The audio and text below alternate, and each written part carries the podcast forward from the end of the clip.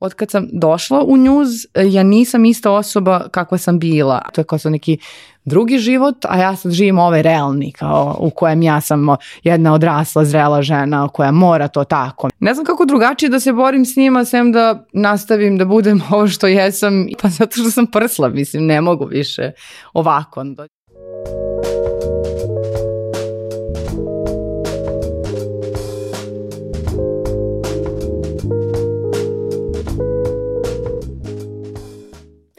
Humor i satira u javnom prostoru rezervisani su za muškarce i zato uvek kada predstavljaju Jelisavetu Miletić naglase da je ona jedini ženski član Newsnet ekipe. On u njihovom timu jeste marketing menadžerka, ali je istovremeno redovni član njihovog podcasta. I kao žena ženi, moram da i komplementiram u mnogome zaslužna što je News porastao kao biznis. Moja podrška u realizaciji ovog specijala je brand Reserved i kao što za njih u svetu mode ne postoje granice, tako ni za moje gošće u onome čime se bave granice ne postoje. Ja sam Aleksandra Petrovski i vi pratite Fusnota podcast. Zdravo Jelisaveta, dobrodošla. Zdravo, hvala na pozivu. Kako bi se ti predstavila, evo sad kao da tebi dopustim, pošto ti si, radiš dva podcasta i bez veze bi bilo da ti ja nešto dodatno predstavljam. E, pa meni to uvek nekako nezgodno, kao ja bih samo rekla ja sam Jelisaveta, pa sada bavim se raznim stvarima, moj primarni posao je rad u Newsnetu, a od prošle godine eto imam i taj uh, podcast uh, o poeziji u saradnji sa Jafa Napolitankama, odnosno Tananim. Tako da, eto, mogu da kažem da sam time bavim. e, ali nećemo sad početi uh, od Newsneta, iako svi nekako to očekuju, uh, već uh, ćemo početi od tvoje porodice, kad mm. kažem, jer ja sam preko veze uh, dogovorila ovaj intervju i ne stidim se to da kažem. Da, da. E, tvoj tata, odnosno zamolila sam tvog tatu da me najavi kod tebe, pošto se e, mi poznajemo. E, I kako je to biti u, u jednom, da kažem, manjem gradu? To, e, tvoj tata je e, poznati novinar, jeli? Mm. E, iz Kragujevca, Miroslav e, Miletić, e, roditelji dugo godina a, rade zajedno, radimo. Misli se kako je, kako je biti ono, dete poznatih roditelja a, odrastati u takvoj, u nekoj sredini koja nije ono dvomilionski grad? Pa, ne znam kako bi najlakše odgovorila na to pitanje.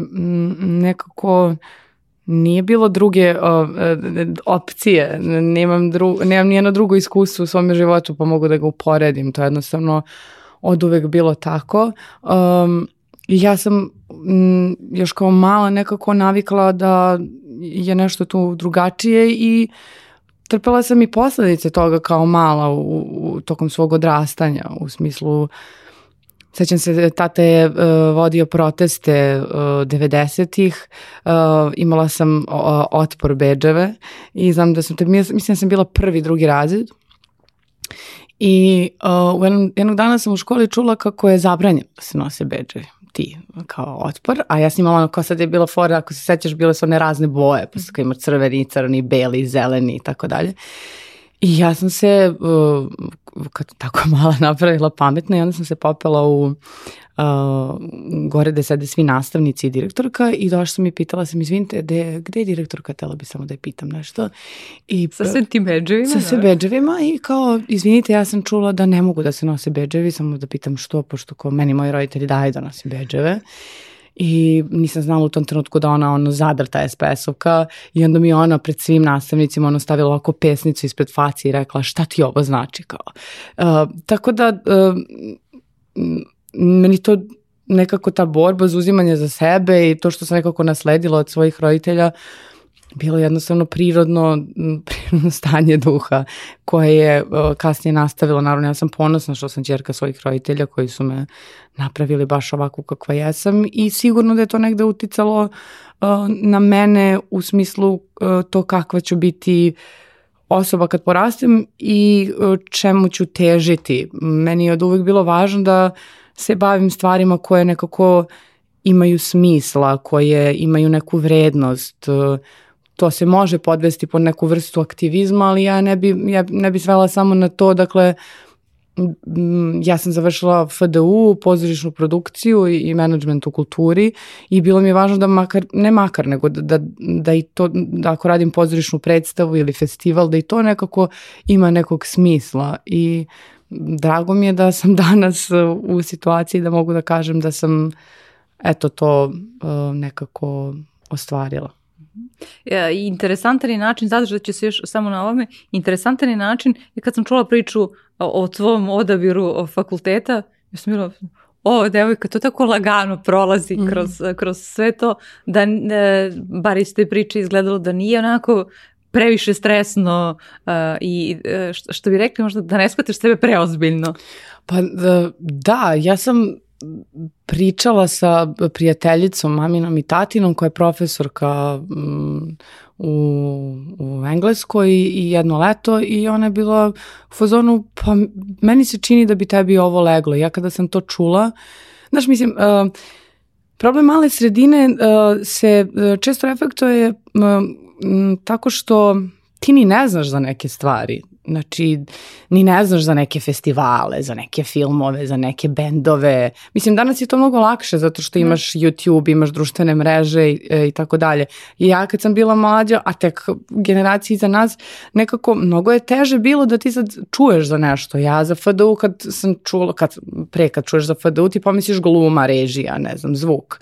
A ti onda kao jednom trenutku shvatiš da tu postoji neki sad smjer gde ti možeš da da, da se obrazuješ i da kao se baviš stvarima koje te suštinski baš zanimaju. Tako da meni je odlazak na fakultet zaista nekako bio uh, kao da sam kod kuće, zato što moje odrastanje u Kragujevcu je često bilo vrlo uh, onako dramatično, ja sam bila poprilično bulingovana i u osnovnoj, u osnovnoj školi ponajviše jer kao to, drugačije se oblačiš, e, naš stvari o kojima pričaš i tako dalje, e, da ne pričam kao devojčica koja je kao prvo i porastu grudi, pa onda dečaci koji ne znaju kako da se nose sa svojim nabojelim hormonima, pa to onda umesto da ti izjave ljubav, ne znam, udariju pesnicama u grudi ili štipa i tako dalje. Tako da ja kad sam došla e, na FDU, ja sam bila, jo bože, ja uopšte nisam ni toliko drugačija, niti mhm. se nešto specijalno posebno oblačim, jer sam videla ljude koji su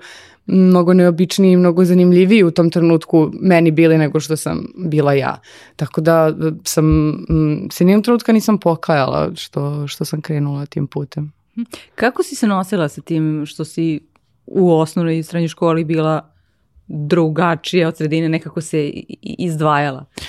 Pa, jako sam patila, da. mislim, ja nisam ni znala da je to tako, nego jednostavno, naš mama kaže, e, seća se oblačim se u školi, kaže, mama, pa ako želiš možda da vučeš te dve haljine, ne znam, ovo jedno ispod, pa jedno, i onda dođeš u školu i onda shvatiš da nije trebalo to da uradiš zato što ste popeli na glavu. Uh, mnogo sam patila do, mm, i imala sam strašnu želju za pripadanjem i za prijateljima, mislim imala sam ih naravno i tada, ali nekako uh, agresivnost uh, klinaca ume da bude strašna. Uh, tada kada nismo imali to pametne telefone i ostalo, mislim da je sada ta, e, to ono klinačko zlo izdignuto na mnogo ozbiljni Zapravo ne prestaje jer ono, ako nosiš telefon ono svuda ide se dobro. Tako da. je, tako je. Da, mislim, mm, ja nikad neću zaboraviti jedan, e, jedan, jednu situaciju da uh, nismo svi imali telefone, um, ali jedan dečak iz mog odeljenja imao i ja sam došla sa dve kikice ovako ispletene i uh, do kraja, do kraja dana u školi je, je išla vest kako sam ja na nekom pornografskom snimku, zato što je on kao klinac imao telefon sa tom nekom kao malim ekrančićem na kojem je bila. Mislim, što naravno nije istina, ali hoću ja kažem, to je zaista on, trauma da. koja, koju ti preživljaš uh, i baš mi je mnogo vremena trebalo i, i kao i terapije na kraju dana u kasijem dobu da ti sad dođeš da skapiraš sve nivoe patnje i gluposti koje si ti progutao i koji se odražava danas i na moje odraslo ponašanje. Uh, I nikada ne bi stigla uh, i preživala sve to da nisam imala kao podršku svojih roditelja i sestre koji su sve vreme bili u fazonu sve ok, nije problem u, u tebi. Ok je da budeš, da budeš tako. Tako da sada znam da jeste, mislim. Mm -hmm. e, šta, šta bi rekla to, to je li savjeti devojčici danas, kada ono, Kao, I kada znaš da je sve ok, jer da, ti sa nekih godina distance, da. I, I kada opet nađeš neku sredinu koja ne, nije bitno kao ono kako se ti oblični tip o tome etiketira bilo koga, a, ovaj, ali dok si ti u tom trenutku u toj školi kada ono, a, vrlo često i nemaš danas ono ko se desi kao mama, tata desilo mm. se to i to ovaj, pa podiriš ovaj nekako sa nekim ali u, u tom momentu kada se, kada se sve to dešava kad ti treba da budiš kao u školi mm. a, ovaj, a doživljaš takvu neprijatnost pa uh, ne znam uvek nađeš utočište u nekim, uh, u nekim dobrim ljudima, jer dobrih ljudi ima svuda, samo treba da, da malo mhm. pogledaš oko sebe i da, i da je okej okay ako nisi prihvaćen u startu. I okej okay da te ne prihvataju svi, to je, mislim, naša potreba za prihvatanjem i za ono odobravanjem je velika i kod nekog manje, kod nekog više, ali da možda živiš s time i da te ne gotive svi. I da ja mislim okay. da se ti baš lepo oblačiš inače. ne znam kako si se oblačila u osnovnoj školi.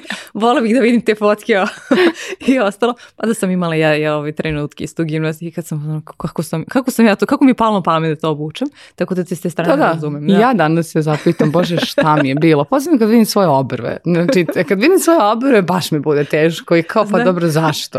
znači te prozike u stvari u komentarima podcasta. da, da. Da, da, umeju da budu da. nekad i tačne, šalim se, ne, nije, ali da, postoje. Ali ja sam recimo farbala, setila sam se, farbala sam u ljubičasto pramenove u osnovnoj školi. Nekad sam ih farbala i uh, ovaj maskarom u boji. maskarom, da. super, nije mi palo na pamet. Ja sam malo starija koju godinu od tebe, pa sam ono, da, maskarom i mastilom i tušem. Ovaj, ali to je, ja nikada nisam, uh, nikada nisam doživljavala zapravo da budem, ne znam, možda, možda, možda zato što je moja najbolja drugarica bila isto takva, pa kao ovaj, da, da si da. bilo dve. da, da, pa bude malo lakše kad vas je u paru, da, onda ste jače. da, da. Uh, I, ovaj, znači, dolazak u Beograd zapravo nije bio nekako kao ono stresan u smislu, e, kao ja sad iz jednog grada koji ima, ne znam, 150.000 stanovnika dolazim u grad koji ima milion i po, dva, i hiljade i tako. Mm, odvajanje od porodice je svakako stres i kao promena, promena sredine jeste uh, stresna, međutim ja zaista nekako sam se radovala svemu tome, tom novom životu i svemu što mi je on doneo i prijateljima koje sam tamo upoznala koji su mi uh, dan, i dan danas ono naj, kao porodica.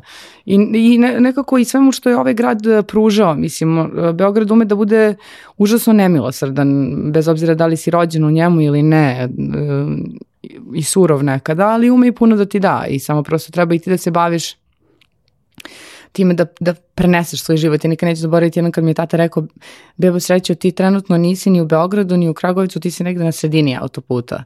I to je bilo istina, zato što na početku, znaš, ono, budeš pet dana, pa onda petak pakuješ se, ideš u Kragujevac, pa onda nedelje uveče se vraćaš nazad. I onda ti pet dana živiš neki fiktivni život sa nekim ljudima u nekom stanu koji nije tvoj, da nemaš pojma ništa, da nisi stvorio, da nisi napravio svoj kutak, svoj nešto da si no, no, uredio. Onda trčiš u neki, u stanu u kojem si odrastao, u svoj, u, u svoj porodicu u kojoj sad više koliko god da je tvoje, opet se stvari menjaju, ti nisi tu i onda nici tamo, nici vamo. U jednom trenutku sam zaista presekla i bilo fazon ok, ja moram sada da počnem da živim ovde, da ostajem vikendima u ovom gradu, da vidim gde ja izlazim, gde ja pijem kafu, koju pijacu volim, koje cveće kupujem, e, jel imam neke, ne znam, ono, sveće, ukrasne jastuke, biljke, znači nekako da s kojim prijateljima se družim, kako izgledaju moji vikendi kad ja ne idem na fakultet, da se šetam. I to nije, mislim, dugo vremena mi je trebalo. Ja sam sad ovde već 12 godina, ja tek posle, mogu da kažem, 3-4 da sam onako osjećala da osjećala neku, neku vrstu pripadanja. Mhm. Sada već je to potpuno drugačije. Ja sad više osjećam da mi je ovde dom nego što mi je u Kragovicu, onda se ljudi stalno šokiraju kao pa kao da li ti si ovde rođena, ovo je tvoj grad. Jeste, Kragovic će uvek biti moj grad, ali ja u tom gradu ne živim već mnogo dugo i imam mnogo nekako um, značajnijih stvari ovde jer sam morala da prenesem svoj život da bi mogla da preživim. Ne mogu da, mhm. ne možeš prosto živeti na dve adrese funkcionalno. Ili možeš, ali ja nisam uspela. E, živjela si u stanu, zajedno imala si cimera i cimerke ovaj, nisi živjela u domu, tako da? Ne, nisam, uspela sam sa to, udruženim snagama dve porodice da živim, da živim sa drugaricom i drugaricama, a kasnije sam živala i sama i smatram da je taj uh, samački deo života mega značajan jer uh, nekako kroz samoću čovek uh, zaista, ali onu zdravu mhm. samoću zaista upozna sebe na pravi način i mislim da je užasno važno da naučiš da budeš sam i funkcionalan kako bi mogao da onda imaš, kako bi onda mogao da funkcioniš u bilo koje vrsti para, da li je to prijateljska, da li je to odnos sa roditeljima, sa sestrom ili, ili sa partnerom e, na kraju dana. Je, je li tada Beograd postao tvoj dom kada si ti počela da, da, da živiš sama, zasebno, ili pre toga? Pa moguće, uh, moguće i malo ranije, ali u suštini da, to jeste bila neka prekretnica kada sam se preselila, uh, ja sam tada živjela sa, sa, sa dečkom i kada sam prekinula tu vezu, veritbu u stvari, uh, tada sam uh, krenula da živim sama, uh, krenula sam da radim i u, u, u Philip Morrisu i nekako moj život se potpuno promenio iz onoga što je bio neki ritam života koji je vrlo fleksibilniji, ušla sam u jedan sistem koji je vrlo rigidan uh, i potpuno stran za mene i tu se zaista desilo neko onako ekspresno odrastanje. Čak mislim da sam jedno vreme živala i u nekoj vrsti zablude, znaš, ono kao, da, ja sam sad skapirala život, to tako izgleda, kao, nije to, nije život, ja sad radim festivale, predstave, kratke filmove, ne znam, snimam, ne, kao, ja idem na posao 9 do 5 i to je kao... Prijelo ti u tom trenutku da, da tako imaš neku strukturu, hajde tako da kažem. Kako Jeste, ali mislim, to nije samo uh, ni, ni kao uh, želja za strukturom, to je i prosto uh, jedna neminovnost, jer sam ja morala da preživim da. U, u gradu, ja sam tad bila na masteru, uh, znam da su mi moji roditelji slali pare koliko su imali, ali to jednostavno nije bilo dovoljno i se mama jednom trenutku je bilo u fazonu, bebo, sreća, mi imamo ti šaljemo voliko ili kao krene nešto da radiš ili se vrati, ali mislim mi ne možemo više i to je stvarno i fair na kraju dana. Ja uh, sam nekako jako zahvalna e, svemu što su nam roditelji pružili, meni i moje sestri u tom smislu da su nas odškolovali, od nas napravili te ovakve ljude, ali ne mislim da je obaveza roditelja da sada nekako čeka da se dete nađe i čini mi se da to jeste neka privilegija u današnjem svetu koju sad neki ljudi mogu da uživaju. Dakle, ja bi isto volila da sam mogla da završim i master i da sam mogla i da doktoriram, ali sad ako dodaš i malo moje lenjosti i malo moje, mog načina života, to jednostavno nije bilo tako. Ne kažem da svi koji su doktorirali su ih izdrave roditelji, naravno postoji užasno vredni i posvećeni ljudi koji su radili dva posla i završili sve to, to nije moja priča. Ja sam prosto morala da se zaposlim negde da bi kao mogla da izdržavam sebe i Filip Morris je u tom trenutku bila prva uh, stanica. Nakon toga sam radila u marketinškoj agenciji i onda sam samo shvatila da tri godine ne, ne mogu više i uh, krenula dalje. Da. I tu je, ovaj, ti si to nazvala tvoje ono, leto za reset, mm. kada si odlučila da, da daš, uh, od, to je bilo pre četiri godine, ili tako? Uh, Da, da malo četiri. više, nekoliko meseci. Da. Ovaj, I e, u tom trenutku ti svesna si praktično već si prošla jednom to skoro mm. vrlo, vrlo slično da si ovaj, na ivici da ti, no, da ti roditelji ili, ovaj, šalju novca koliko imaju, ali da, da opet mm. ti treba samo sebi da bezbediš financije. E, I kako, kako zapravo se ti u tom trenutku odlučuješ na taj korak bez obzira što nisi imala potpuno plan B, e, odnosno drugu sigurnu varijantu gde ćeš otići e, da, da daš otkaz? Um, sećam se da su postale, postale nekoliko tačka, tačaka pucanja. Uh, ne, nekako okruženje, uh, ne, ne sad bez da, da generalizujem i da kažem da, sve korporacije i sve marketičke agencije su iste, ne, ne mislim da jesu, ali jednostavno sistem u, u kojem sam uh, ja radila i u kojem sam videla da ljudi funkcionišu je za mene bio pre, pre surov. Uh, to nije, znaš, e, to će postojati neko ko će doći da ti e, kaže zašto si došao u 9.15, ali niko neće doći da, ti, da te pita kad si otišao kući i da se brine što si otišao u 7.8.9. Ali će zato vrlo te podsjetiti da moraš da dođeš u 9.15 ako je to tako ili ako treba da daješ vikendom, onda ćeš i ponedeljak da dođeš bez problema da radiš. Meni je ta surovost i ta nekako to je posao i to tako funkcioniše. Um, sećam se da sam jednom sedela u kolima u gužvi kod Sava centra i da mm, je kolega rekao nešto tipa postoji toliko i toliko nedelja do penzije a imam, ne toliko i toliko, ne, na primjer, toliko i toliko ne, uh, slobodnih dana do penzije. Znači, vrlo je, ako radiš u ovom sistemu, ti vrlo jasno, jednostavno matematikom može da čunaš koliko ti imaš slobodnih dana za odmor do, do penzije. I ja sam samo sedela i bila sam majko sveta, kao ne, ja, Jer ja sam u tom momentu kao patim, ne mogu da odem, ne znam, leto je neki festival u, ne znam, Herceg-Novom ili nešto na Brijunima, neke predstave, pa sad kao, da li mogu da put neka, ne postoji. To sve to što sam ja živela i sve što sam imala i ti ljudi i putovanja i sve to, to više kao da nije moje, to je kao sa neki drugi život, a ja sad živim ovaj realni, kao u kojem ja sam jedna odrasla, zrela žena koja mora to tako, mislim, i ne može drugačije. I uh, onda naravno kreneš da brljaš i da praviš greške jer si ono burnoutovao potpuno i ne znaš više za sebe. A onda i te greške kad napraviš, on te neko pita pa kako si mogla? Pa kako si mogla ovo da uradiš? Znaš, pa zato što sam prsla, mislim, ne mogu više ovako. Dođeš ujutru, vratiš se uveče i tako svaki dan, svaki dan, svaki dan, svaki dan. Vikendom isto nešto te cimaju.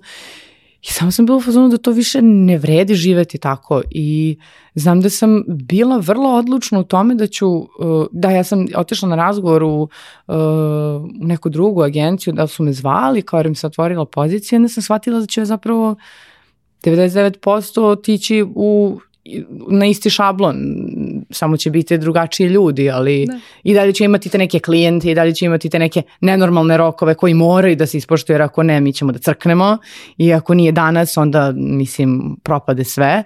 Um, I ja sam samo na momentu rekla, pa dobro, ja ću raditi u Tezgi, to je kafić u kojem sva, vrlo često sedim.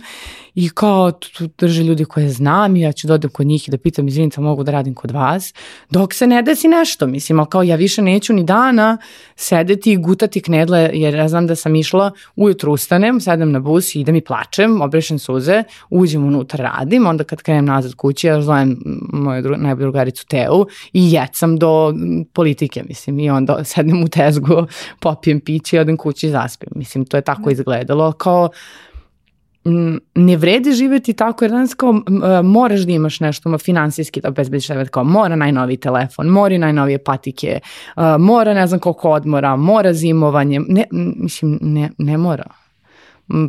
Ako, ako je cena moja, moje, moje zdravlje, moja sreća, ok, evo ja neću imati to, ja ću odreći tih ovozemaljskih užitaka, ali ću biti zdrava i srećna.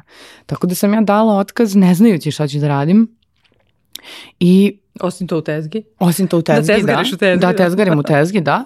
I sećam se da, da, da mi skočio nešto Viktor, u tom trenu, da li u to vreme su zvali uh, mog tatu da bude analitičar kod Kesića I meni su oni pali na pamet, ja sam upoznala Marka i Viktora, na primjer, u godinu, dve pre toga, jer sam pomagala profesor Kjani Martinoli nešto ko FIST radija. I onda sam ih pozvala kao da organizujemo da oni budu gosti. I to je bilo to, čao, čao, izvolite ovde studij, to je to. I bili smo, posle smo prijatelji na Facebooku. I ja pišem Viktoru i kažem, ej, čao, ne, ne znam se sećaš. Uh, ja, eto, tražim posao, pa ako slučajno znaš nekog, no, jer sam u trenutku, tom trenutku zamišljala da su oni neki normalni ljudi i da, da možda znaju tamo neke normalne ljude koji rade nešto što nema veze sa o, o, to. Da I on mi odgovara kao, e pa e, mi trenutno nemamo otvorene pozicije kao za pisanje, ali ako bude nešto javit ću ti, ja kao ne, fuck, kao kakvo pisanje. Mislim, kao mogu da pišem, ali nisam ni završila novinarstvo, ni se bavim pisanjem to, tih članaka, kao sad posebno satirom da se bavim, to je baš bilo ono, Međutim, je to fazono, pa dobro, kao nema veze, hvala puno, javite se, ovo ono. I sećam se... Persirala si mu? E, ne, ne, kao misleći on Marko, da. Ekipa, da. I umeđu vremenu ja sam i odbila ovaj posao u toj drugoj marketinškoj agenciji i bilo u fazonu ja sam sada ili potpuno prsla ili će nešto super da se desi, ali kao ne, nešto između ta dva, nema treće. I sećam se da mi Viktor šalje tipa posle dve, tri nedelje, e kao otvorila nam se pozicija, otišao nam je kolega uh, koji se bavio kao marketingom i kao pronalaženjem klijenata, organizacijom i svime, da li bi ti kao došla na razgovor da ja kao da naravno, u tom trenutku ja pojma nemam nikako da prodam člana kakav baner, mislim ne, ne znam, ali ja sam rešena, ja ću to naučiti, koliko to može da bude teško, ja ću se truditi, samo da se iščupam. I tako je stvarno i bilo, mislim, ja sam užasno bila uplašena u početku kako ću ja to, da li ću ja sad to umeti, ali Znaš, kad, je, kad ti jedino preostaje da se boriš, nema tu sad... A čekaj, kako si dobila su ti posle da si ih pitala ovaj, kao ono, kako ste mene zaposlili kada suštinski, bez obzira što ti jesi radila i u agenciji, što, što imaš i iskustvo i jedne velike kompanije, nisi bila na ovoj strani, hajde tako da kažemo. I, ovaj, šta su bili tvoji aduti da dobiješ taj posao ako su bili neki drugi? Pa znaš šta, ja mislim da tu ima dosta neke, uh, često ima misifikacije, kao neko nema iskustvo u ovome, pa kao kako će on to? Mislim, to nije nikakva kvantna fizika, ako si ti sad vredan i hoćeš da se baviš time što je tvoj zadatak, ti ćeš to naučiti. Mislim, to nije, nije sad kao, ne, ne bavimo se medicinom, pa sad ja sam ono, da, ne znam, oftalmolog, a treba da, da nekom lečim. Pa da, da, mislim, nije to u pitanju, tako da u tom smislu oni nisu ti ljudi koji će sada mistifikuju i da sad kao prave neku mudrost od, od svega i to je super zato što onda nema ni tog nekog pritiska. Naravno postoji neka vrsta odgovornosti i postoje neki zadaci koji treba budu urađeni, ali nema sad tu kao, mi smo mnogo. mnogo smo ozbiljni. A e, ko je bio još, dobro, rekla si da si poslala Viktoru ovaj, poruku, e, ko, koga, ko je bio, jel si onako krenula redom na, na Facebooku, koga još znam pa ga obaveštam, ili je to bio ono, jedni hitac pa ne sećam se u ovom trenutku, iskreno da ti kažem. Mm, da, sigurno sam pitala još nekoga, mislim, jer je to zaista bilo ono hitno. Ja znam da sam u tom trenutku dala drugarici stan da živi jedan mesec kako bi pokrila račune i ja sam imala za jedan taj od, od plate koje mi je stigla i to je bilo to, znači to je bilo mm, juli, avgust, ja za septembar nisam znala šta ću. Ja sam u septembru krenula da radim u njuzu, tako sam se pokrila taj jedan mesec nekako i onda sam krenula normalan ritam. Tako da sad u ovom momentu se ni ne sećam. Uh, Ja nisam bila čak ni sigurna da, ja sam znala Marka i, i Viktora, Grafu i Nenada u tom momentu nisam znala, sećam se Nenad se tad ženio ja sam bila u fazonu ljudi, i nikad nije bio na sastancima tu na početku i otišao onda i na, na more sa ženom i on se ne bio u fazonu, rekao, vi mene ste izmislili ovog čoveka, mislim, pošto njega nema sve vreme, a vi se ne govorite kao Nenad, sad će on tu, mislim, sa, ali kad dođe i Nenad, pa ćeš da ga upoznaš, kao ko je više taj čovek, nema ga, ne? tako da, da, na razgovoru za posao koji je bio isto jako smiješan uh, i bilo da su bili uh, Viktor, Marko, uh, Marko i Grafa. Sjećam se da dolazim i oni kao potvarali, to je bila kuća u nekoj koju smo radili na Zvezdari I sad oni verovatno da bi se pokazali... Dražić lobira gde ovi na svoj kraj, dobro. Tako je, ali oni sada, oni su sad sređivali da se pokažu, jer je verovatno to bio brlog pre nego što sam stigla. I onda su on otvorili prozore, sad sve da bude kao izvetereno i to. Uh, po, po dvorištu Boga pita i šta gmiže. I Dražić koji sedi sve vreme ovako, o leđima okrenuta, ta, iza su prozori kao sve vreme ovako, znaš da li će nešto da, da projuri. I uh, sećam se kao, ja na momentu pomenula mm, nešto e, CV i kaže Marko, uh, pa da, mislim, uh, CV, kaže Viktor, uh, pa ja, ja, ja nisam tražio CV. A Marko koji sada želi da drži tu kao crtu jednog ozbiljnog čoveka koji sad razgovor na posao. Pa dobro, kao poslaćeš nam, naravno, mislim da su pogledali onako ofrlje i to je to. Mislim, jer sam ja sve naravno kao i sada ovde istrtljala na, na razgovoru, tako da nije bilo ni potrebe da gledaju. Znam, znam kako je to raditi u, ovaj, u muškom kolektivu i taj moment, to, to, ovaj, kao, e, aj sad da sednemo pravo, dolazi, uglavnom se to desilo kad dolazi neka druga, recimo, ovaj, mm. ženska osoba u prostoriju, sa mnom su se već kao dobri, pa kao, ako, ok, sada sedimo sve pravo. Kako su, koliko je tebe zapravo, ti četiri godine već radiš Ovaj, tamo, gdje su ti kupili neki poklon, neko cveće, za četiri, sledeće godine očekuješ zlatan status. Da, da, pe, a pet za pet godina da. to. Dobro, da, da setim da pomenem u podcastu, pošto moram da vršim pritisak na javnost, da bi javnost vršila pa pritisak to. na njih. Ne. Ubeleži u kalendar i svima njima stavi podsjetnike ovaj, da, da očekuješ najmanje zlatni sat. Pa može čamac umjesto zlatnog sata, to mi je... a, pa on... ti posle zavalja i pa šta ima veze? Ne, ne, ne, čamac se ne zavalja. Da, ne, a sad, sad, ok, ok, može u stvari, da, u pravu si, to je možda i pametnije. Mm, nisam se setila toga. Nemoj oni da ti kupuju čamac, nego ti zabereš neki koji ti hoćeš, a zlatni mm. sad neki najvredniji. Poslala sam na njima sve da. već, da ne razmišljaju. Um, Imaju tamo godinu dana da smisle, odnosno da skupe taj novac i to. Pa pošteno, jeste. Uh, bi, oni su zaista uh, uh, Jesu pažljivi, dobijala sam, dobijala sam cveće do, u, u, u saksi, e, to za 8. mart. Znam da sam ih naterala prve godine da igramo Secret Centu i onda smo svi kupili jedni drugima čarape i to je bilo jako smešno, samo sam ja dobila tipa neku sveću i ne znam šta mi još, Marko je bio moj Secret Santa, a oni su svi jedni drugima kupili Springfield čarape, uključujući mene, koja sam kupila čarape za svakog od njih. Je li to neka interna fora? Pa ne, to je to se zapatilo e, kod mene iz ovih uh, agencija mm. i to uh, su uvek tako igra kao Secret Center, mm. ti ko izvačiš kolegu pa kupeš poklon. I oni sad iz poštovanja prema meni, kao dobro, ajde. Sećam se da smo kitili jelku, da su oni bili u fazonu, dobro, okej, okay, ali ti to onda završi sve. I sećam se da smo imali neku malu jednikavu jelkicu uh, koju smo uh, kasnije zamenili pa smo imali veću. Sada tu veću uh, krišom okite uh, kad ja nisam tu, tako što je uh, prošli put je nisu čak ni otpakovali skroz, znači ona je zavijena, uh, plavom trakom uh, uh, i onda su samo uzeli i stavili jedan niz lampiona i rekli su ove jelka ove godine i ne pipaj više ništa. Ja sam trenutno to bilo toliko i frci jer je ono decembar, svi šalju, sad mora odma sve i tako to, da nisam sigla tim da se bavim, tako da prošle godine nam je jelka bila ne otpakovana, ali ukrašena. Dobro, ispoštovali ste tvoju yes. tradiciju koju si ti uvela. Evo, kako ti je sada bilo, uh, tvoje jeste prednost zapravo, iako, iako se nisi prijatno osjećala tih nekoliko godina uh, rada u, u nekim velikim sistemima, uh, sada ti je to iskustvo vrlo, vrlo značilo. Mm i ja sam zapravo upravo od ljudi iz nekih od žene iz nekih drugih agencija dobila ovaj pohvalu da super sarađuju sa tobim da se da su se njuzovci uzbiljili onako a i da, da mogu sada mnogo lakše nekako da, da, da sarađuju da naprave dogovore sa, sa mm. ekipom Newsneta. Upa lepo, to je baš lepo, uh, lepo čuti. Um, pa mislim da sam nekako da, mislim glupo je reći unela neki red, um, ali uh,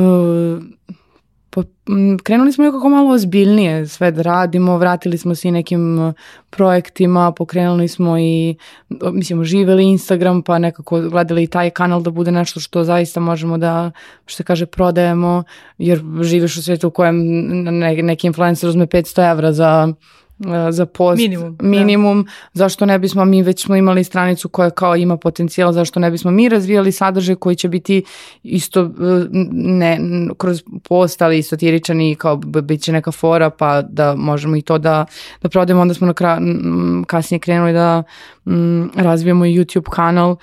E, nekako Jeste da smo postali ozbiljniji tokom godina. Ne znam koliko je, uh, ružno mi je da sad ja kažem da, to je jer sam ja došla, ja sam prekretnica, to mi je nekako, sad kada hvalim sebe, ne, ali uh, želim da verujem da smo uh, zajednički uh, nekako krenuli i naravno da tu ima i dalje puno prostora za unapre, unapređenje svakog od nas, uh, ali je to uh, nešto s čime uh, se, kako bi rekla, živi. U smislu, postoje neke vrste odgovornosti i nesigurnosti i briga koje ja kao neko ko sad radi u manjem sistemu imam koje ne bi nikada imala da radim u većem. Ali to je cena koju sam ja vrlo svesno spremna da platim zbog toga što sa druge strane onda imam nešto što veliki sistem nikada ne može da mi, da mi ponudi. A to jeste neka vrsta slobode i fleksibilnosti koja je meni lično potrebna i mnogo važna. I to je kao fajn, evo ruke kao je prodato. E, pa na kontu toga što si rekla kao ne bih sebi da pripisujem zasluge e, za to, kada je Sheryl Sandberg, koja sada već više nije u Facebooku, ali kada je ona došla u Facebook i da bude odmah ispod Zuckerberga, e, ona je zapravo doprinila da se oni uozbilje mm -hmm. na taj način, tako da ovaj, kada budeš sledeći put sa njima imala sastanak evaluacije kao ono postignutog, molim te da to naglasiš, da kaže, vidite, ja sam u stvari vaša Sheryl Sandberg. Da, ja bih volila da dođem u situaciju u Newsland jedan dan, o, bilo kog leta gospodnjeg, da sedim i da kažemo sad ćemo da se evaluiramo, pošto mislim da... Mislim da to od tebe zavisi. Da. Ako ti to ne uvedeš kao Secret Santa ništa. Mislim da to apsolutno nema nikakve šanse, jer će se sve svesti. Pa ti može nagrada da bude čarape i to grafine, pa tako da, podržava, da podržavate. Mislim da bi moralo da ih ucenim nečim mnogo većim da bi se to desilo, pošto... Pa dobro, sto za stoni futbol, šta je da. to sve tako in, tako da. E, ali super mi je to kako te evaluacije, uh, meni je to malo i, i uh, kao baš igranje ono uh, sa, sa pojedincima, u smislu sad dođe neki menadžer koji te tako uh, procenjuje kao da je psiholog i onda ti te pita i sad on tebe ocenjuje i onda ti on kaže kao da, neka to tako ume da mm, zezne čoveka u, u, u, u glavi i nekako malo da da pomuti, pomuti sve. Tako da, ni, mislim, ne želim sada da um, potcenim sve kako bih rekao, menadžerske uh, skillove i sisteme koji su postavljeni koji, u kojima funkcionišu uspešno, uspešno korporacije, ali čini mi se da nekad i to ume da ode malo predaleko i da se preozbiljno pa, ukoliko, shvata. Da, ukoliko uglavnom neko ne ume baš na adekvatan način da prenese tu, tu poruku i to. Ali kako vi, e, bez obzira što se mnogo šalite i, i, ovaj, smejete i ovaj, prozivate ponekad mm. jedni druge što, što javno, a verovatno i, i ovako još više. E, kako opet vi dajete ono iskrene feedbackove jedni drugima? Pa vrlo mm, otvoreno i bez uvijanja. Jer, jer i to je način da ukoliko je to kao je ovaj, usredsredim se samo na, na ovaj tvoj rad, ne na tebe kao ličnost i to je način da se vi razvijate kao ono, kolektiv i pojedinac, tako da Pa da, mislim, ali nema tu, kao što sam ti rekao na početku, nema tu puno mistifikacije. Svi sedimo za istim stolom i ukoliko postoji neki problem, vrlo ga jasno adresiramo. I često vrlo otvoreno bez ono uvijanja, što nekad može da bude i, kako rekao, ne bolno, nego sad kao, kako tako da mi kažeš, ali niko se tu ne shvata preozbiljno, niko ne misli da je ne znam nija šta, pa da nešto ne može da mu se kaže. Uh, nikad ne zaboraviti jednom, ja sam nešto se bunila zato što ne, ne znam oko čega smo se svađali, a Viktor me samo pogleda i rekao, ako smo svi ovde uh, rekli drugačije, kao aj probaj da shvatiš da možda nisi u pravu. Iako sam ja do srži verovala da ja jesam u pravu, ali kao čekaj da, ako ovi petorica ovih ljudi kažu da je okej, okay, da pa nemoguće da onda samo ja znam najbolje i da samo sam ja u pravu. Tako da ima i toga da kao ako većina nas kaže e pusti to ili je nisi u pravu da onda nas neko stvarno uh, i posluša. Tako da nema tu mm, nema tu ne, nekog vređanja, mislim da, da. svi govorimo iz najbolje, na, mislim, najbolje namere, vrlo, nemam razloga da uh, nekog uh, lažem ili da govorim nešto samo da bi ga ponizila i uvredila, niti imam, ni, i kada ne ide iz tog kvarnog, e, nego vidiš da ide iz iskrenog, onda verovatno i drugačije, i drugačije primaš informaciju. E, kako si, ja si se nekad suzdržavala, pogotovo u početku, kažem, ja, pa ja sam ovde ženska, ja sam ovde najmlađa ili ja sam ovde praktično poslednji, među poslednjima došla. Jel si imala na taj način onako ove, mm. neke kočnice? Ne, Ne, mislim da, da odavno nemamo kočnice. da, ali meni je to super zato što nekako stvarno uh, momci su mi dali od starta, mislim dali, pružili mogućnost da nekako budem to što ja sam bez uvijanja, bez poliranja i prihvatili me takvu i nisu me korigu, nisu pokušali da me koriguju, da mi kažu, znači ono, o, u, u drugom poslu bi ti verovatno, a često si meni kao, ne smeš to tako da kažeš ovde pred, ili kako si to tako rekla, ili gde si to tako prokomentarisala, ili ja mi nije, meni nije prošlo kroz glavu, ono, da, da sam to, mislim, jer u, u biti ne, nemaš nikakvu ono lošu nameru i onda te niko neće ni osuditi zbog toga što ti rekao nešto čime se možda a priori ne slaže, kakve veze ima. Mislim, ok da se ne slažemo. Nisam, mm, zaista od samog starta sam osjećala baš veliko prihvatanje od strane svih njih i od uh, Zorana i od Saleta Rejte 24 minuta. Mm, da, baš, baš samo ono uh, prihvatanje. E, da li E, kako je došlo do toga da, e, i iako ti nisi to uvek nekako voliš da istakneš, e, da, da nisi autorka mm. tekstova e, na portalu, ali jesi e, u podcastu. E, I sad kao, kako je došlo do, do toga da, da ti ne budiš i dalje neka osoba koja je ono, u back office-u, što se mm. kaže, nego da sediš, eto da kažem, zajedno sa njima mm. za tim stolom.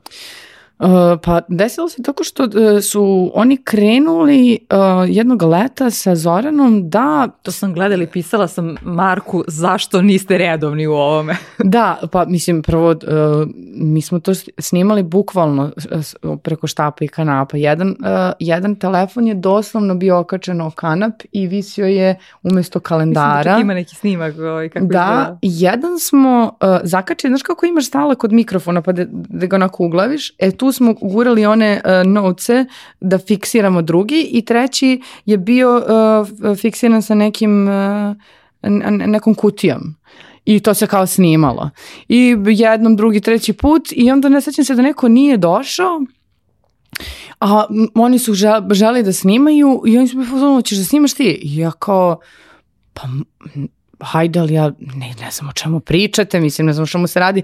Sećam se u tom trenutku je u Zemunu podignut neki spomenik nekom Janošu, ne znam kako se preziva, koji izgledao kao uh, lik iz Asterixa i Obelixa, tako nešto. Na Zemunskom keju zapravo. Da. Uh, da, ne mogu ni ja da se setim, ali to je ono neki heroj pre 300 da, godina. Da. da. I ja sam sam da imala pojma I sad kao moj najveći strah je naravno kao ja samo da ne glupa, samo da ne glupa. I će se mojih prvih par podcasta, ne u stare redakciji, nego u novoj, pa čak i kasnije kad smo krenuli, je bio kao, jel sve bilo okej, okay? kao, jel nije bilo ovo glupo?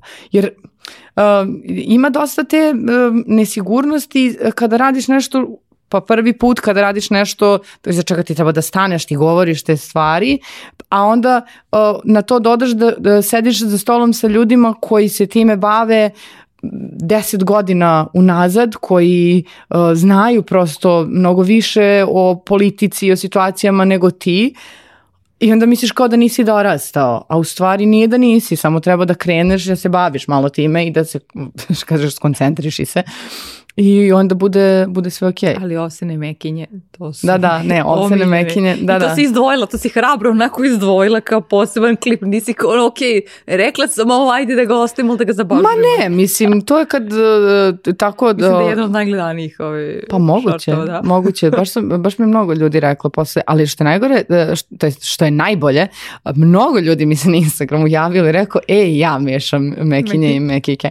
Uh, tako da, m, da, ne treba bežati bežati od svojih, uh, svojih grešaka.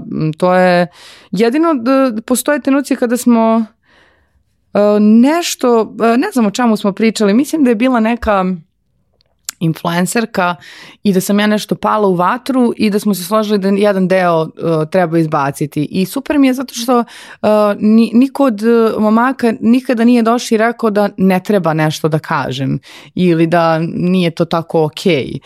Uh, ali uh, jedino što su, su mi rekli da, da treba da težim tome da ne budem ostrašćena. Mm -hmm. I meni je to super zato što kao uh, ti to govori, ti stani iza toga, mi ćemo onda da kažemo mislim i nešto drugo, naravno sada e, ideološki se slažemo, pa nemamo sad tih kao um, rizika da će neko izgovoriti neke stvari koje su apsolutno protivno našim ono moralnim uverenjima i vrednostima i tako dalje.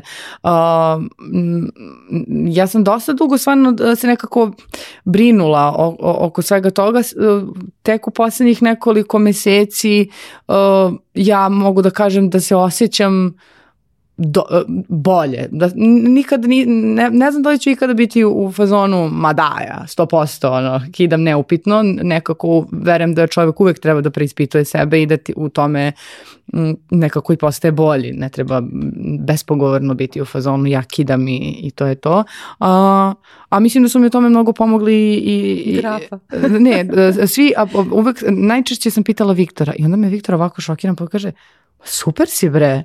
A svaki put se iznenadi, a pošto je on onako viši od mene, ja kao kažem Viktore, je li bilo okej? Okay? On kaže, da bre, kao super je sve, kao šta ti je.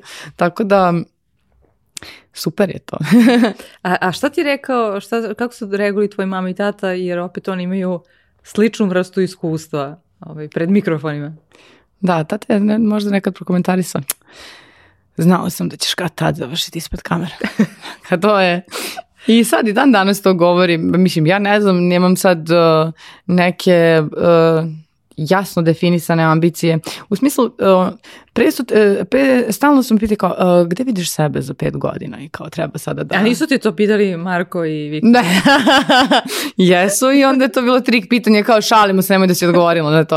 Uh, ja nemam to uh, zato što uh, mi se čini nekako da uh, od kad sam došla u njuz, ja nisam ista osoba kakva sam bila, ali uh, ne ja lično ili saveta, da, ni tako, ali ni profesionalno. Dakle, ja sam došla da budem na jednoj poziciji, ali sam usled svojih ličnih ono, uh, želja da učim, radim, i razvijam se i njihovog podržavanja i kao, e, ajde, možeš ti to, počela da radim mnogo širi spektar stvari, tako da sada uz to što kao vodim projekte i radim sa klijentima, ja i snimam, e, ne znam, news vesti, ja učestvujem i u podcastu, baš sam s Viktorom pričala kako treba da, uh, vola da malo vi, da više i pišem ako stignem, pa kao možda, jer ja sam nešto napisala jedan, dva teksta na, na sajtu, nikad nisam imala želju da se nešto preterano time bavim, ali kao što da ne i to u tom smislu, e, a kako vidim da sve vrijeme nekako moj e, profesionalni put ide i razvije se, onda nemam ja sad neku tu potrebu da kažem sebi, čekaj, čekaj, čekaj, gde sam ja za pet godina? Pa mislim, ne znam, ali evo mogu ti kažem da narednih godinu dana ću da radim još nekih novih stvari kroz koje ću sigurno nešto da naučim i da ću da se opet razvijem. Pa kao... Da, ali znaš, kad, kad recimo pitaju to kao, ovaj, ka, kao ono, kakav je osjećaj koji ti želiš kod, kod sebe ono kao za pet ili za, za deset godina? Ove, nekako to možda mnogo lepše zvuči. Jeste, ali ja taj osjećaj već imam. Mm -hmm. Ja sam, e, juče smo se zvanično vratili s podcastima, ja sam došla radosno i nasmejana na svoj posao. I uh, danas, evo kad završim ovo, ja ću opet uh, radosno da idem uh, i da radim. I to je taj osjećaj koji ja želim da imam. Da nikada nemam ono, mislim imam ja dan nekad sam sam, oh, ne ide mi se, ali ne zato što kao ne volim svoj posao, nego sam mrzovoljna generalno, pada kiša, boli me stomak, ne znam, kuće mi je bolesno, šta god, ali kao da je ono u, u, u, u stomaku, u temelju svega, uh, ljubav prema mom poslu, prema mojim kolegama koji više nisu ni moje kolege nego su i moji prijatelji i da kao možemo i da se smemo i da se zezamo i da, i da radimo neke super stvari koje mislim da su važne, ali ne kao mega bitne, mi smo sad ne znam, nego kao važne su meni da se kao bavim, bavim time. Eto to mi je... Je li imaš ti osjećaj sada uh, nekako bez obzira što jesi bila, da kažem, u javnom životu E, i pre njuza i pre e, podcasta posebno, da si sad na taj način onako kao ono e, istupila, a opet kada je neko javnu ličnost dozvoljava da, mislim, daje odobrenje da se njegov rad komentariš, mm. ja bih rekla samo rad, ne, ne i delo, ne, da, da to, ne, ne i lik da to treba da, da ostane uh, i dalje po strani. Uh, jel, imaš nekako ono teškoću ovaj, u, vezi sa tim i slično. Bez obzira što ste rekli, mm. nemoj da ovaj, padaš u vatru kad da, snimamo. Da, pa... Uh, za sada ne, zato što ne doživljavam da, da smo sad kao nešto, mislim, je, lepo je mnogo kad ti priđu na ulici i baci ti pet i kažu Newsnet baci pet i ja stvarno me to nekako raduju, čini me srećnom, ali ne mislim da sam ja sad neka ono poznata, poznata važna, važna ličnost. Ja mislim sam ono, jednostavna žena koja se bavi svojim poslom, koji eto između ostalog se dešava ispred um, ispred kamera. ne smetaju mi ni komentari u tom smislu, um, mada mi smeta um, um, kako preko, sloboda ljudi da uh, misle da mogu da, da ti sad kažu sve, ali uh, u smislu da su pozvani da sad iskomentarišu i kako se ti obuku i kakva ti je kosa i da li se zabavljaš sa onim ili onim i tako ne, te, da. neke, da. te neke stvari, ali s druge strane to je sve deo ovoga i dok je, ja mislim da je vrlo u blagoj meri u kakoj bi bio da smo možda, ne znam, poznati i tako dalje. Tako da u tom smislu ok mi je, nekad mi zasmeta, tipa uh, nije mi bilo prijetno, jednom sam bila u Kragujevcu za uskrs i izašla sam sa sestrom i njenim dečkom i bili smo u nekom kafiću uh, i tu su svirali neki narodnjaci i mi smo se zezali kao igrali ovo ono. I konobar koji je celo vreme radio tu oko nas je pri kraju večeri prišli i rekao a nisam znao da se vi drugosrbijanci ovako kao provodite, da li treba da vas snimamo kao pa da vas okačimo? Ja kao čekaj, mislim, znaš, ne, to je već onako da ti bude malo neprijetno. Šta, šta sad to znači? Mislim, ovako sve ostalo tipa komentari koji se ostavljaju na, na društvenim mrežama, to je već ono nešto sa čime se kao nosiš, ne da. znam. Ali imaš, ali imaš ti utisak, uh, rekla sam ti kad, kad smo pričale pre ovog razgovora, da mi baš onako ostao upečatljiv uh, jedno istraživanje gde kažu kao kada muškaraca, kada se muškarac i našali na svoj račun ili kada je duhovit i tako dalje, onda oni kažu kao on je samo uveren, znaš. Ali kada se žena našali na svoj račun ili uh, slično, onda ona ono kao nema samopouzdanje i tako dalje, obično se tako etiketira. Ili imaš ti taj uh, utis, u smislu kao ono, ka, doživljaja uh, tebe od strane drugih?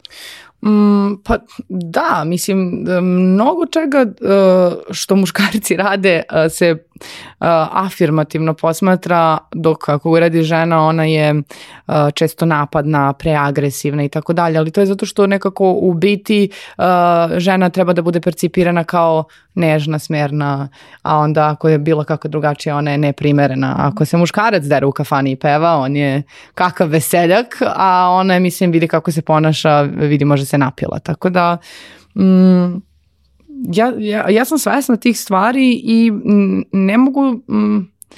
Ne znam kako drugačije da se borim s njima, sem da nastavim da budem ovo što jesam i da se nadam da će možda jednog dana neka devojčica biti ili devojka biti u fazonu, ma da bre, mogu ja to. Mislim, ne, ne, ne mogu ništa, ne vidim šta bih drugo mogla da uradim uh, po, tom, po tom pitanju. Znam da je to tako i jedino što mogu je da svojim ponašanjem pokažem da postoji izuzetak i da to nije, da to nije istina. Iako ću verovatno i dalje nekima biti u očima iritantna i naporna i šta se ona pravi pametna i što se ona sad busa u prsa za ne znam nečija prava ako nije. Me skoro pitao neko na Instagramu, a izvini, jesi ti lesbijka? Pošto sam se kao uh, bavila pravima LGBT uh, populacije i nešto oko Pride pričala. Tako da mislim, uvek će toga, mislim, nažalost, uh, na, na, u, naše društvo ima još mnogo, mnogo da,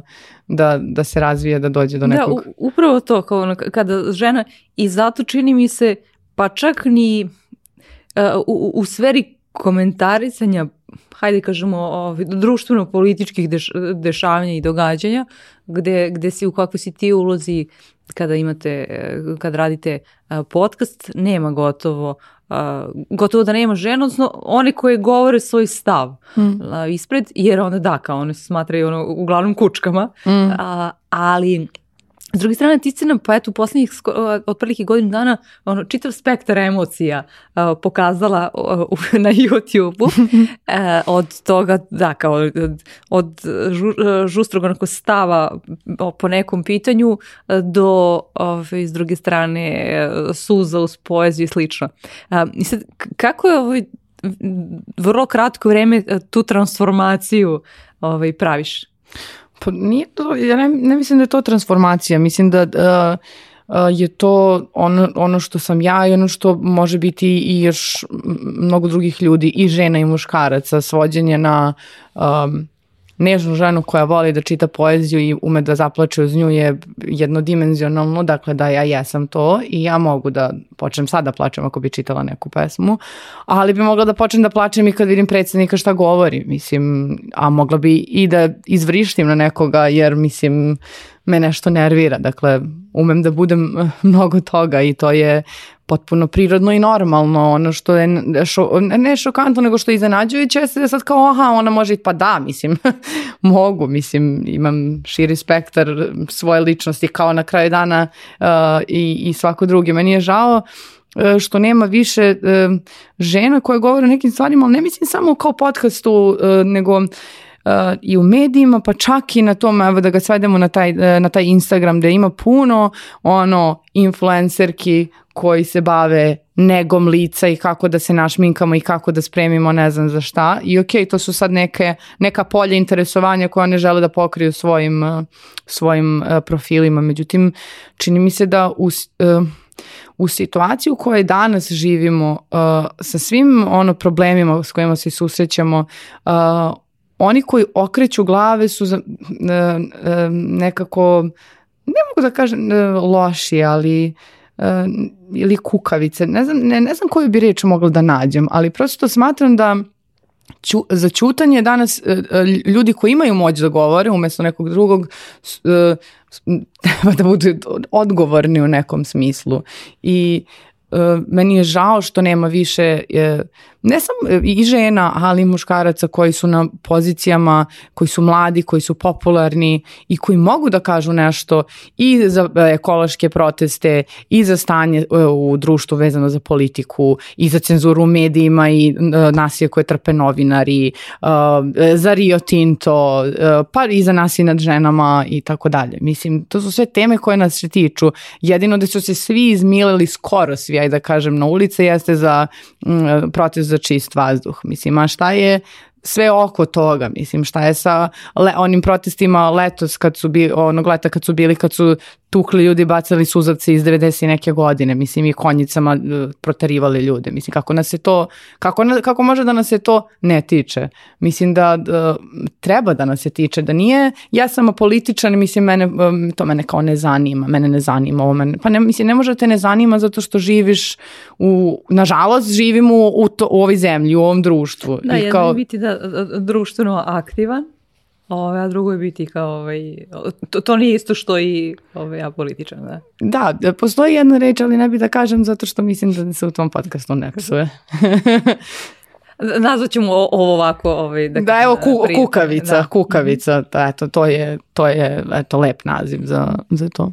I da nekad, da i to bi, nekad samo mislim da sam možda, to bi, eto, pričali smo malo pre kao pre naporna, znaš, stalno nešto je tu.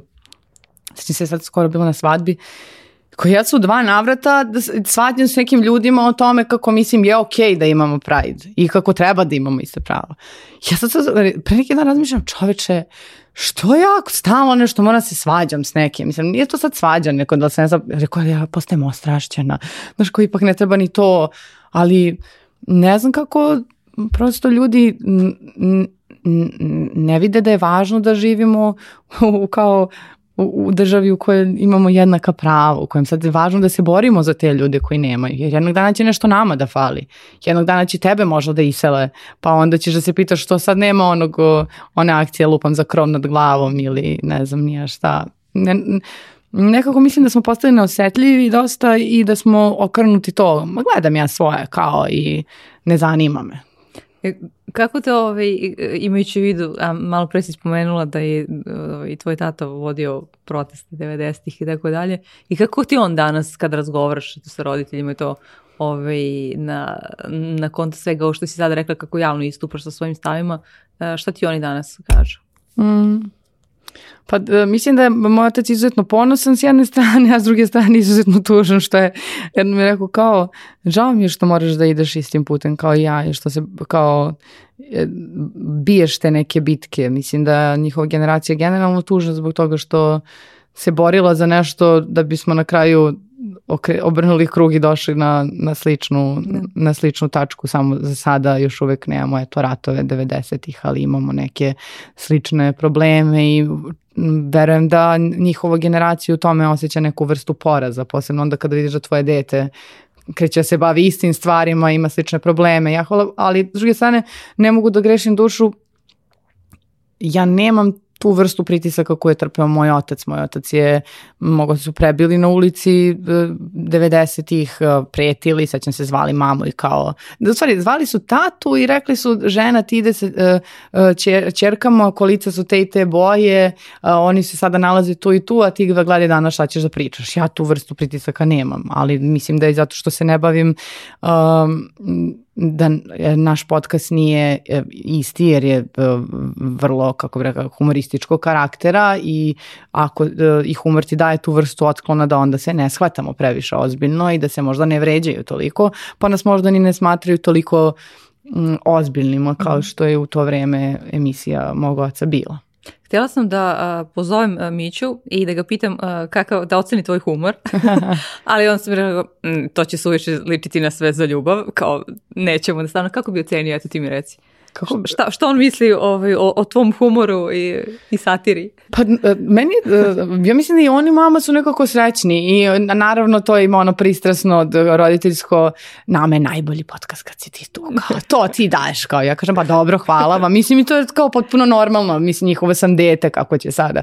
Naravno da, da me majka pozove nekad i kaže srećo mnogo si psovala u ovom podcastu, ja kažem mama izvini molim te, ali nisam, jednostavno ja to tako ispadne i ni ne obratim pažnju dok uh, mi posle ne kažu kao, brate, kako si mogla to kaže, kao, kad sam ja, ja to rekla, kao... ja to inače i ne govorim uopšte. da, ali to nekako u afektu ode i šta se, ali eto, kao, radim, radim, trudim se zaista da, da ne psujem, mislim da u ovom podcastu nisam nijednom apsovala. Nisi, ja sam pažljivo složila, nisi, nego još mi reci, šta si naručila onda u kafani?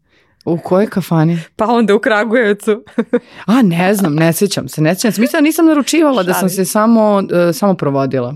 Šalim se zato što ovaj, znamo, znamo kako reaguješ na poziv, pa sam htjela da, da čujem kako reaguješ na, na poziv nekih drugih pesnika, Marine Tucaković i slično. e, da, ja mislim da je Marina ono, boginja na, na, na, i, s pesmom koje je napisala, obožavam e, njen tweet jedan koji je rekla svako upropasti svoj život najbolje što ume. I ja sam kazala, pa da, sigurno nije iz loše namere, ja sam upropastila iz najbolje. Tako da. Je li to na konto tvojih posljednjih četiri godine u nju? da, da, da, da, da. Vidjet ćemo, za sad, je, za sad je sve dobro, ali možda ću to jednog dana okačiti i reći pozdrav drugari. Ili ono napraviti tetovažu neku novu. da, zamisli. A evo da, da, da strkneš kafu, imamo još posljednje pitanje koje uvek svima postavljam. E, nekada na početku, ali sad sam onako dozvolila da, da to bude e, na kraju. Ko si u suštini ti, jeli savjeta? Razmišljala sam, pitala si me to, pogledala sam to pitanje, ja stvarno ne znam kako bih sebe opisala, ja sam jedna žena koja voli svog psa i porodicu, koja voli da ide na reku i na more, mašta o tome da ima čamac i ultimativno i samo da bude srećna i mirna. Eto. Ne znam da li je to sad... To je potpuno prihvatljivo, stvari svaki odgovor je Mogu da kažem i Jenny from the Block. Ne znam da li je to možda bolje, kao kraće, eto, ako je to bolje. Evo onda prvo je Autentičnije. E, pa dobro. Hvala ti što si bila moja gošća i što si bila iskrena i otvorena. Hvala tebi. Da,